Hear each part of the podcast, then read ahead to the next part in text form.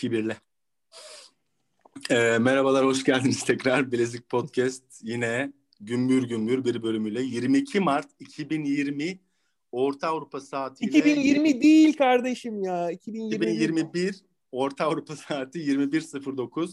Bugün inanılmaz konular, ufuk açan konularla bir merhaba daha mı?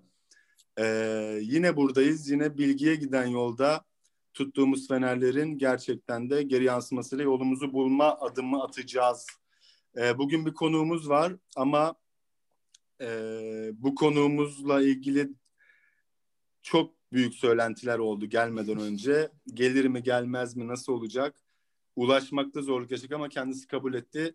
Öncelikle oradan teşekkür ederim. Sonralıkla gene e, yılların eskitemediği partnerim e, Mehmet Ali Erbil ekolünden gelen Emre Karagözoğlu ve konuğumuz sevgili e, onur konuğumuz Buğra Çetingök burada bizlerle. Bugün konumuzda kripto para. Kendisi kripto para üzerindeki çalışmalarıyla Lüksemburg'da ve Brüksel'de çeşitli e, polyester fabrikalarında toplantıları yaptı geldi ve şu an bizimle beraber ayağının tozuyla. Hoş geldin Buğra. Teşekkür ederim Çağrı. Benim için bir zevk. Ee, kesinlikle ne zaman istersiniz katılmayı düşüneceğim tabii ki. Evet, düşü Aa, düşüneceğim. Bak bak bak. peki kripto para mı peki bugün? Yani gündem kripto para mı? Valla bugün gündem euro galiba. Aa, Merkez evet. Bankası euro dolar. Ben Rasim Ozan Kütahya'da oynayayım mı? bugün gündem o. İşte tarihe not düşmek gerekirse İstanbul Sözleşmesi'nin iptali, peşine 4. Merkez Bankası Başkanı derken bugünlere geldik. O zaman ya, çok kısa zaten... şeyi vermek istiyorum. Pardon keseceğim keseceğim de. Bir hemen bir döviz update'i yapalım abi. Tarih saat itibariyle neymiş hemen söyleyelim ben size. Ee, Çağrı'nın dediği gibi Orta Avrupa saatiyle 21.11 şu an. Ee, hemen veriyorum dövizi. Piyasalar Amerikan kapandı. doları e, piyasalar kapandı. Amerikan doları 7.76'dan satılıyor. Euro 9.28 şu an. Evet. Teşekkürler. Ya bir de zaten bu programın bir amaç bir amacı da o günün tarihini vermemizin bir sebebi de o gün ne hani geriye dönüp baktığımızda vay be neler yaşamışız, neler düşünüyormuşuz o tarihte. Evet. deyip kendi kişisel gelişimimizi, gelişimimizi takip edebileceğimiz, zen bölgesinden ayrılmayacağımız bir anekdot, bir kayıttır. Evet. O zaman Aynen, hemen... bir de anı bırakmak aslında yani sizin amacınız, temel amacınız değil mi? Tabii tabii. Aynen. Yani, Kesinlikle. Cloud'da... O zaman hemen bir ilk soruyu alalım abi kripto ile ilgili. Bak seyircilerin hepsi patır patır kaçmaya başladı şimdi. Cloud'a bir ses dalgası bırakmak amacımız. Evet, kripto parayla ilgili ben e, yavaş yavaş ısınma soruları olarak kripto para neden çıktı ve tam olarak nedir? Yani niye kripto paraya bir yönelim var ve bunun ilk çıkış amacı nedir? İnsanlar niye bu kadar bu konuda e, ya bu, bu neden dikkat çekiyor bu kadar? Nedir yani? Neden böyle bir alternatife ihtiyaç duyuldu ve neden yapıldı ve şu hmm. anki kullanım amacı ilk çıkış amacıyla beraber ufak bir brief alır mıyız? Aslında işte ben ben mi alayım bunu Emre? Sen de hakimsin çünkü ama. Al al sen ben, al abi. Ben başlayayım. Kripto para nasıl çıktı işte? Satoshi diye bir tane adam ya da bir yazılımcı grubu yani Satoshi tam olarak bilinmese de Nakamoto. Nakamoto. Nakamoto. Soze soyadını da verelim. Rumuzunu verelim tam. Ee, yani yazılımcı grubu olduğu düşünülüyor bu rumuz altında.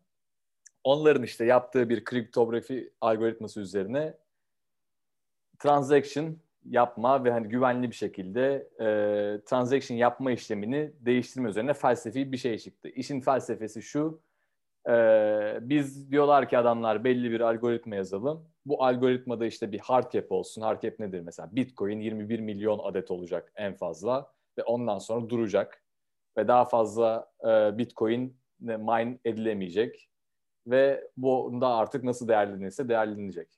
Burada hemen o bir şey söyleyebilir miyim? Burada Tabii. hemen parantez. Bu üst limit hakkında çok kısa bir şey söyleyeceğim.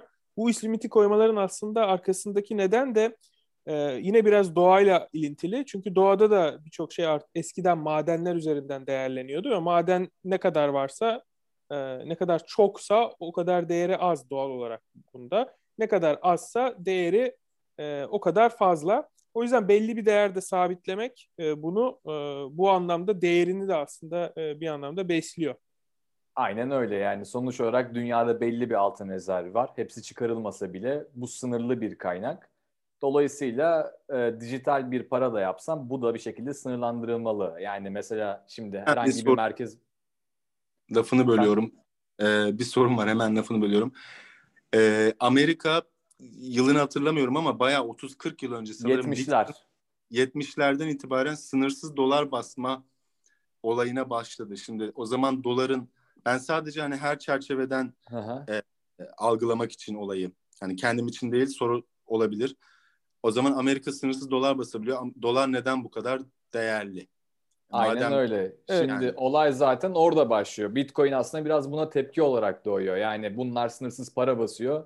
Bizim para geleceğimiz, bütün birikimimiz, yatırımlarımız merkez bankalarının iki dudağının arasında. Dolayısıyla bu Amerika'da böyle bir kontrol mekanizması yokken bu adamlar bütün para geleceğini belirtiyor, belirliyor ve e, hani kendi kafalarına göre yani belli bir şey yok. Ama aslında olay kendi kafalarına göre de değil tam olarak. Yani sonuçta Amerika'nın dünyanın en büyük şirketleri Amerika'da. Bütün teknolojik altyapı işte rekabet eden Çin var aslında yani şu anda. Başka da pek bir ülke yok açıkçası. Tamam Avrupa'da çok gelişmiş ülkeler var ama olay Amerika ve Çin üzerinden dönüyor şu anda.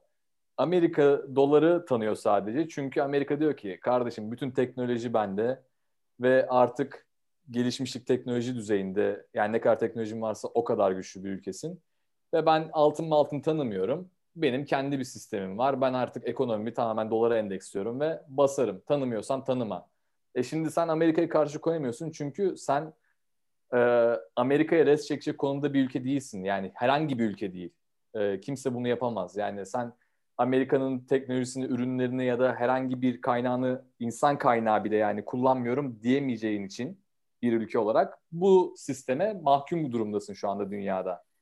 Evet ee, ama yani ekonomik olarak bakarsan da tabii yani ben ekonomi uzmanı değilim ama sonuç olarak bu tabii bu parayı e, fiziki bir değere bağlayarak üretimini sınırlandırmak hakikaten ilkel bir yöntem aslında. Çünkü her şey dijitalleştikten sonra artık senin bunu çok fiziki bir şeye bağlamana da gerek kalmıyor. Ama yine de yine de yine de hala doların değeri belli fiziksel e, ölçütler üzerinden. Mesela petrolü de dünya bütün dolar üzerinden satın alıyor. Bunu dayattığı için Amerika böyle.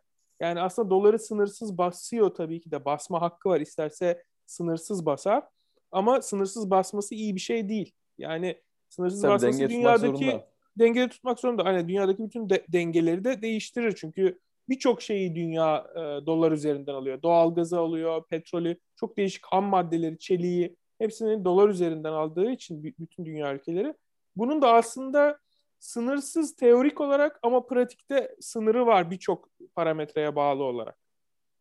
Evet yani yine de daha esnek ama adamlar sonuç olarak. Yani Evet. evet Bitcoin gibi değil. Evet yani 21 evet. milyon Bitcoin gibi bir hard cap yok yani. Evet. Ya bu arada ben şey demiyorum ya Bitcoin'de hard cap var. Dolayısıyla Bitcoin sistemine geçmek tamamen mantıklı. Bunu da savunmuyorum bu arada yani. Hayır, Çünkü tabii tabii. Bitcoin'in şimdi değerine bakarsan Bitcoin değerini destekleyen ne var arkasında? Ee, minerlar yani o transaction'larını e, senin onaylayacak olan bir network o ağda da işte ne kadar fazla e, o ağ destekleyen insan varsa ve işte e, bunun sürdürülebilir olması ne kadar kendini kanıtlamışsa birinci destekleyicisi Bitcoin değerini bu. E, ikincisi de zaten işte e, güvenilir olması, hacklenemeyecek olması. Ay şimdi bu iki tane destekleyen şey Bitcoin'in bir Bitcoin'in 50 bin euro olmasını e, sağlar mı? Tartışma konusu bence orada yani. Hani buna ne Kesinlikle. kadar güveneceksin de hani bu iki tane aset senin için e, bu değeri verecek. Olay burada bence. Çünkü bence, dolara evet. baktığın zaman doların yani Amerika'nın destekleyebileceği bir milyar tane şey var. Evet ama bence eskiden ilk yani ilk başlarında bu blockchain üzerine bu Bitcoin'in yapılması ve gerçekten amacına uygun şekilde e, tasarlanıp amacına uygun şekilde şu an kullanılmıyor olması yani amacına uygun şekilde kullanılmak zorunda değil. Aslında bunun bir tamamen bir borsaya dönüşüp bir kumar aracı gibi kullanılıyor Aynen şu öyle. an. Tamamen bir trading aracı olarak kullanılıyor. İnsanlar belli platformlar üzerinden satın alıyor, satıyor, satın alıyor, satıyor. Aradaki farktan para yapmaya çalışıyor. Yani bugün kimse Bitcoin'i e, anonim bir şekilde bir şey satın almak için kullanmıyor. Yani anonim olamıyorsun da zaten Zaten anonim yani. olamıyorsun. Evet. O bir mit mesela. Eskiden diyorlardı evet. ki sen Bitcoin transaction yapınca hiçbir şekilde devletler senin kim olduğunu e, bulamaz ya da işte bu transaction takip edemez falan. Ama öyle değil yani onu ancak sen bir minersan yapabiliyorsun. Oradan evet. Bitcoin kazandın ve oradan Deep Web'de harcarsan yapabiliyorsun. Ama evet. şu anda zaten Bitcoin nasıl alıyorsun?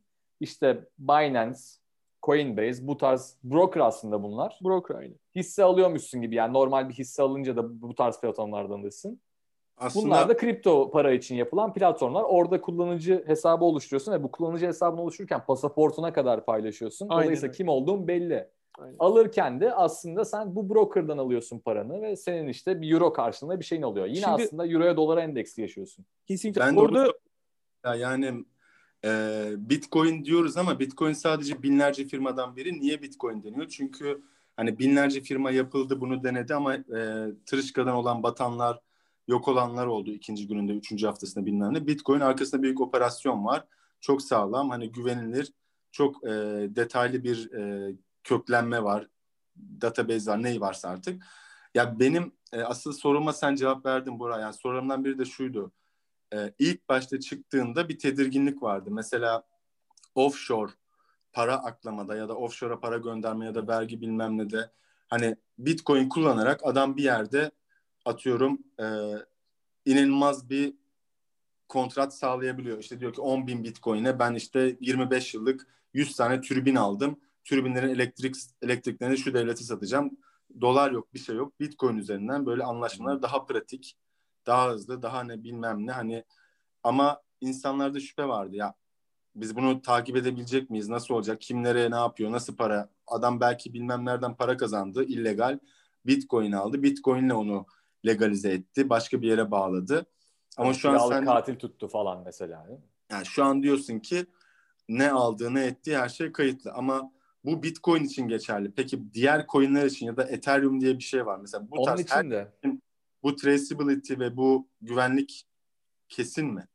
Abi abi şöyle iki tür insan, iki tür e, kullanıcı var işte. Bir tanesi bunun artık daha miner kısmında, madenci kısmında olanlar. Onlar hakikaten işte ne yapıyor mesela atıyorum e, büyük makine de alabilirsin de sen kendi bilgisayarından bile bu işte Ethereum'da olur, Bitcoin'de olur. Bitcoin'in forkları var mesela Bitcoin Cash vesaire. Bunların yazılımını indirirsin bilgisayarına ve bilgisayarını durmadan çalıştırır. Bir e, madenci olarak çalıştırırsın ve onayladığın transaction'lar üzerinden e, coin kazanırsın. Fark etmez bu. Bitcoin'dir, Ethereum'dur, Litecoin'dir. Ama bu tabii ee, şu an pratikte yapılabilecek bir şey, bir şey değil tek başına bunu sen yapamıyorsun. Tabii. Özellikle kendi bireysel bilgisayarında yapabileceğin bir şey değil yani şey. processing power olarak. İmkansız. E, hatta hatta hatta bunun için özel miner makineler var. Bu miner makineleri alsan bile e, karlı değil. Çünkü bu miner makineleri çalıştırmak için ödediğin elektrik fiyatı günün sonunda kazandığın Bitcoin fiyatından daha fazla yükseğe geliyor. Yani işte Bitcoin'in hani esas hedefi 1 milyon dolar olmak ya bir Bitcoin'in. Yani öyle bir değer evet. kazanırsa falan artık mantıklı. Yani evet. first mover'san bu avantajda. Ama evet, şimdi düşününce geçti. kaç yıldır var bu? 2004'ten beri desen 16-17 yıldır. 2009. 2009 12 yıldır. Çok fazla bir kere bu Bitcoin el değiştirdi. Yani ben şu anda şey sanmıyorum ki Bitcoin 5 dolarken alan insanlar hala elinde bulunursun. Öyle bir şey yok yani.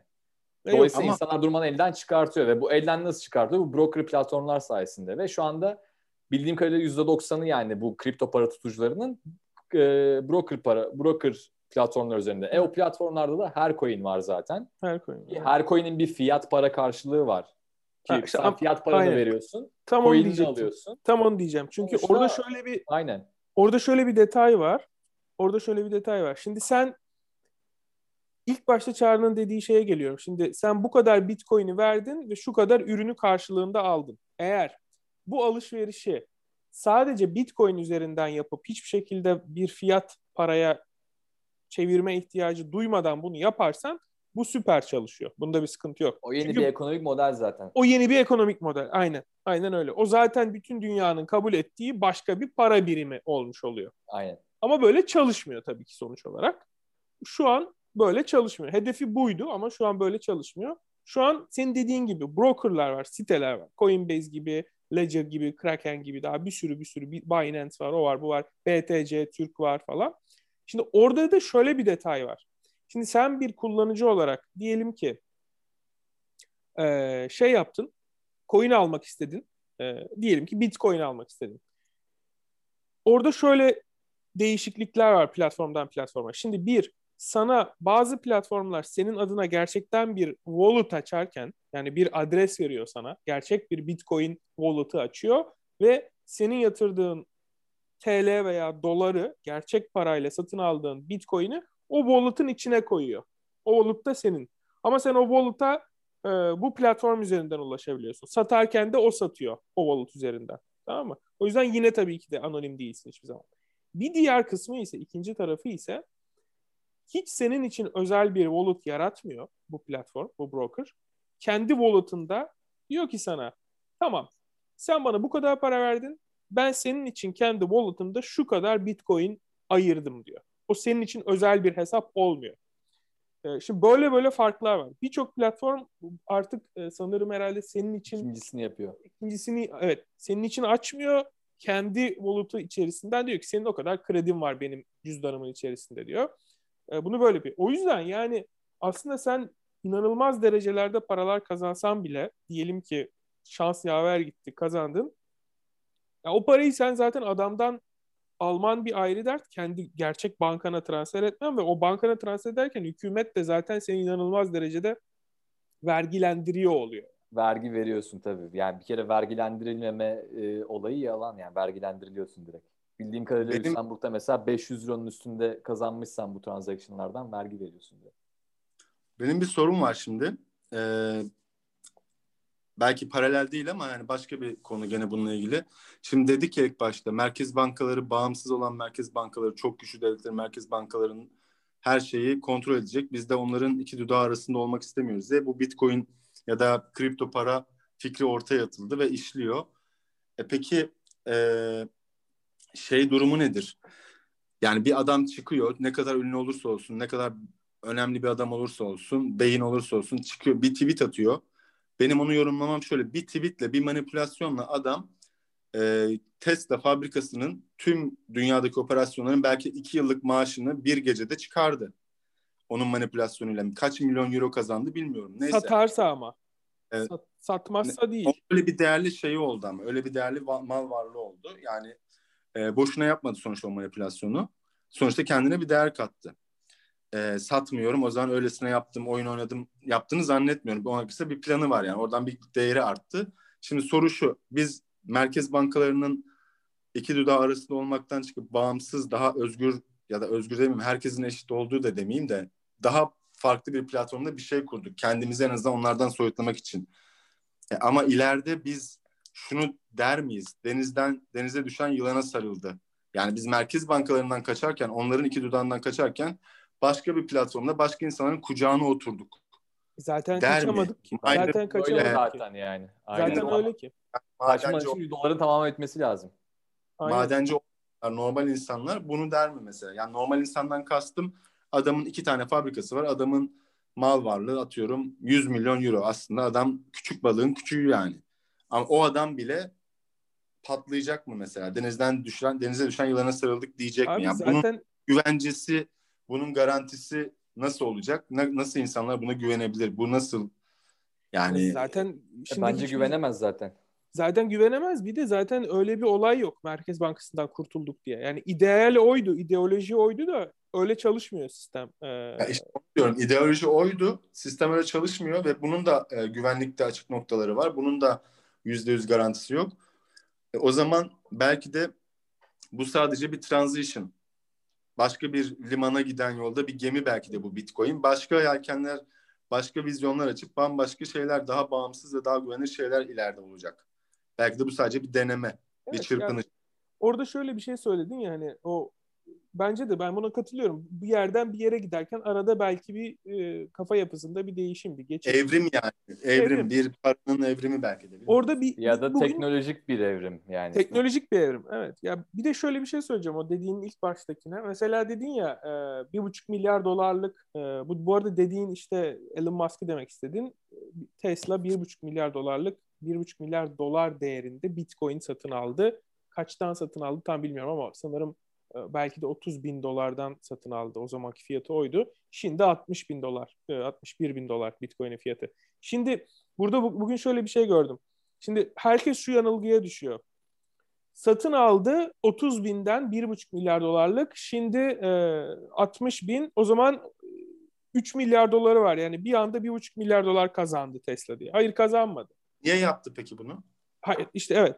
Şunu demek istiyor. İnsanlar da diyor ki biri de diyor ki mesela adam bunu yaptı, değerini arttırdı. Bak bir buçuk milyar dolar şimdiden kazandı. Ford 2, 2 milyar doları sadece bu yıl e, şey için, reklam için ayırdı. Ne kazandı? Hayır öyle değil olay. Şimdi Tesla bunu 30 binden alıp 60 binden satsaydı evet 1,5 milyar doları cash parayı hesabına koyacaktı. Şu an bunu koymadı. Yani yok öyle bir şey. Eğer bugün satarsa koyacak. O parayı kazanacak. Belki daha önce sattı abi zaten 60 bin dolar olmadan. Belki de sattı aldı, zaten. 31 iken sattı zaten belki. Mesela belki de. Yani onu sattı mı satmadı mı zaten orası yani. ayrı hikaye ama bu aynı hissi yani almak burada, gibi. Rakam önemli değil burada. Adam kar etmek için bundan kumar oynadı ve bir tweetle manipüle edip 1'e 1000 mi kazandı? 1'e 0.1 mi kazandı? Önemli değil. Bu adam kazandı mı? Bir Hayır kazanması için satması gerekiyor. Elindeki o, aksiyonları çıkartması gerekiyor. Ya, belki sattı diyoruz ya ve bu adam satmıyorsa kazanmayacaksa böyle bir manipülasyona niye girdi? Şöyle ya ben çağrıyı anladım. Herif bir lafıyla oynattı bütün piyasayı. Evet. İşte o zaman biz niye buna güveniyoruz? Nedir bu olay? Ha, haklı yani bence de aynı şey ama aynı borsa borsa gibi yani bu. Borsada borsa da birçok şirket oynatıyorsun. Yani Bitcoin alırken aslında bir şirket alıyorsun gibi Evet. Yani bir de karı olmayacaksa niye böyle bir şey girdi abi? Hani satmadı daha o kadar ona vurgun yapmadı da niye yaptı o zaman? Ya amacı o demek ki. Yani ileride yapacak ya da çoktan dediği gibi 31 iken sattı. Haberimiz yok. Hani ya, bunu satacağını için yaptı. o kadar kısa sürede satacağını düşünmem. Çünkü yani hani ıı, zaten 30 30 30 binken alıp 31 binde satması. Genel, genel rakamlar değil. Rakamlar değil. Genel süre de değil. Genel mantık. Bu adam kar etmek için mi yaptı bunu? Yoksa kar etmek öyle... için kar etmek için yapmış eğer yapmışsa kesinlikle bunları satması gerekiyor. Onu demek istiyorum. Kar etmek için yapmamışsa kendi şirketine başka bir yönden değer kazandırmak için yapmışsa mantıklı. Kar etmek için yapmışsa yüzde yüz kesinlikle satması gerekiyor ki o parayı paraya dönüştürebilsin. Bitcoin değerlerini yani elindeki Bitcoin değerlerini arttırarak başka bir yerden mi vurgun yapma ihtimali var? Başka yerde borsa hisselerini mi arttırdı? O ya tarz bir şey. Evet. Şeyde yapmış olabilir yani. Tesla hissesi mesela acayip yükseldi. Bitcoin'den de fazla yükseldi bir ara. Onu satmıştır. Bitcoin'e geçmiştir mesela. Evet. Bileyim. Anladım. Tamam. Yani diversified etmek istemiş olabilir portföyünü. Ya mesele gene şey değil yani. Sonuç olarak bu bir araç. Ne olursa olsun para gibi evet. bilmem ne gibi bir araç. Bunu sen satmasan da bunun artması için manipülasyon yaptığında kendi cebine ekstra girsin de yaparsın. Ama oradan ama buradan önemli değil. Bitcoin'i satmadı o adam değerlenmedi değil. Bu adam her şeyi daha fazla e, mal varlığı, daha fazla aset sahibi olmak için, daha fazla malına değer katmak için yaptı. Ya oradan ya buradan önemli değil ama Bitcoin'i kullandı. Manipüle aracı buydu. E, zevkini bile yapmış olabilir abi. Manyak bir adam zaten. Yani evet. bir lafımla bak işte ne oldu falan demek için bile yapmış olabilir yani. Senin o kadar gücün olsa ben de denerim yani. Acaba Bitcoin'de oynatabileceğim mi falan diye. yani umarım öyle midir, umarım değil midir. Bir şey diyemiyorum. Yani ama bütün bunlar da aslında Bitcoin değerlendiren şey çünkü gel dön dolaş yine olay trust olayına geliyor yani ne kadar neye güveniyorsun. Amerikan dolarına çok güveniyorsun o yüzden değerli. Niye güveniyorsun? Çünkü arkasında Amerika var, Amerikan şirketleri var. Şimdi Bitcoin'e güveniyorsun. Tesla bile bir buçuk milyar dolarlık Bitcoin aldı. Bir evet. sürü Amerika'da yatırım fonları Bitcoin aldı. Şu anda Bitcoin sahibi olan insan sayısı milyonları buldu. Ee, ve hani çok fazla insan eline geçti. E, çok fazla insanın eline geçmesi demek potansiyel kullanım alanlarının daha çabuk açılacağı ve daha çabuk e, gerçek hayatta kullanabileceğini Aynen. bir nevi proxy yapıyor sana. E, böyle olunca değeri artıyor işte. Esas olayı o. Aslında bakarsan yani mesela Bitcoin Cash var. Bitcoin Cash Bitcoin'den fork yapılmış hali ve niye fork yapılıyor işte adamlar diyor ki Bitcoin'de transaction çok uzun sürüyor. Biz şu signature'ı kaldıralım şuradan. İşte böyle olursa 20'de bir zamanına inecek transaction. Ama onu yapınca ne oluyor? Diyor ki işte siz bu software'i kullanacaksınız diyor işte sistemdeki minerlara ve bunu kullanmayan minerlar Bitcoin transaction'ı yapamıyor. Evet. Sadece bu software'i kullananlar Bitcoin Cash transaction yapabiliyor. E şimdi Bitcoin Cash Bitcoin'den teknik anlamda daha üstün bir şey. Ama değeri onda biri. Hı hı. Neden? Çünkü da- çok az insan güveniyor. Çok az insan kullanıyor. Çok az insan sahip buna. Evet. Anladım. Evet. Peki şey o zaman yani genel olarak siz şunu diyorsunuz. Anladığım buradan tüm hepsinden çıkardım. Mesela yarın bir gün e, Zanzibar'ın atıyorum 10 milyar euro borcu var. Devlet başkanı düşünüyor ne yapacağız, ne edeceğiz, işin içinden üretim de yok. Oradan Zanzibar'ın bir delikanlısı çıkıp ya hocam zamanında biri gelmişti bana dört tane bitcoin harçlık verdi bak kaç para oldu bozduralım satalım borcu kapatalım deyip devlet başkanına bunu verme ihtimali yok diyorsunuz. Çünkü bozulmuyor bunlar. Ya evet, bozuluyor. Öyle, bozuluyor ama kolay kolay bozulmuyor. Yani kimse sana onun para karşılığını e, öyle bedavaya vermiyor. İşte aynen bak evet evet bak şimdi daha net oturdu. Para karşılığı yok ama mesela transaction transaction transaksiyonlarda özellikle e, mesela offshore yenilebilir enerji yatırımlarında asset management'ta, asetler alımında ya da böyle enerji anlaşmalarında bunun döndüğünü ben duydum yavaş yavaş bazı bölgelerde. Mesela Latin Amerika'da falan bilmiyorum. Avrupa'dan yatırımcı oraya öyle şeyler ben duyuyorum aslında ama tam detayını bilmiyorum. Çünkü o para o adam aldı onu 10 bin bit, 10 bin coin aldı. Ne, Bitcoin kripto para aldı. O da onu e, yüklenici firmaya öyle ödeyecek. Hani böyle bir zincir Kimsenin Abi çok, çok kompleks bence. Yani bir kere sabit kalmıyor. Gün içinde bile yüzde on oynuyor. Yani neye işte... göre sözleşme yaptın, neye göre nasıl ödeyeceksin yani? Ya öyle tabii. Bir de şu şu var mesela senin dediğin o Zanzibar'ın borcunu kapatma işi de şöyle bir şey hakikaten. Mesela diyelim ki birisi geldi dedi ki e, Zanzibar'da birisi bak ben zamanında e, 100 bin bitcoin almıştım, mine etmiştim bir şekilde o zamanlar hiçbir şey değildi bu. Hadi gel şimdi biz bunu satalım. Zanzibar'ın borcunu kapatalım. Şimdi bugün satsa 100 bin, 60 bin e, dolar, 100 bin çarpı 6 milyar dolar falan eder. Şimdi sana bu 6 milyar doları nasıl verirler biliyor musun? Eğer 6 milyar doları cash eline almak istiyorsan. Sen bu 100 bin bitcoinlik bir e, şeyi USB stick gibi bir şeyi özel bir kripto ile korunulan fiziki bir cihazda olan senin wallet'ındaki bitcoin'i username'ini ve password'ünü sen bunu satmak istediğin adama vereceksin elinle buluşup bunu da söyleyeceksin. Adam da sana elinle cash 6 milyar dolar para getirecek. Sen cash. de o o cash parayı gidip Zanzibar'ın Merkez Bankası'na yatıracaksın. Yani bu ne kadar olursa o kadar olur. Evet. Bu arada hemen şöyle bir şey söylüyorum. Burası part 1'di. Ee, şimdi biraz ara hemen 5 dakika çay kahve arası hemen sizle part 2 ile devam part ediyoruz. Part 2 şey diye bağlayalım da çünkü ben başında dedim mi demedim mi hatırlamıyorum. Belki söyledim. Ya ben kripto para alıp satıyorum. Hani insanlar evet. bu kadar karşısında niye alıyorsun satıyorsun diyebilir. Aynen. Part 2'yi oradan bağlarız. Sonra Süper. belki başka konulara geçeriz. Süper. Bu okay. bence bölüm 1 bölüm 2 yapalım yükleme sırasında. Neyse onu konuşuruz. Okey o zaman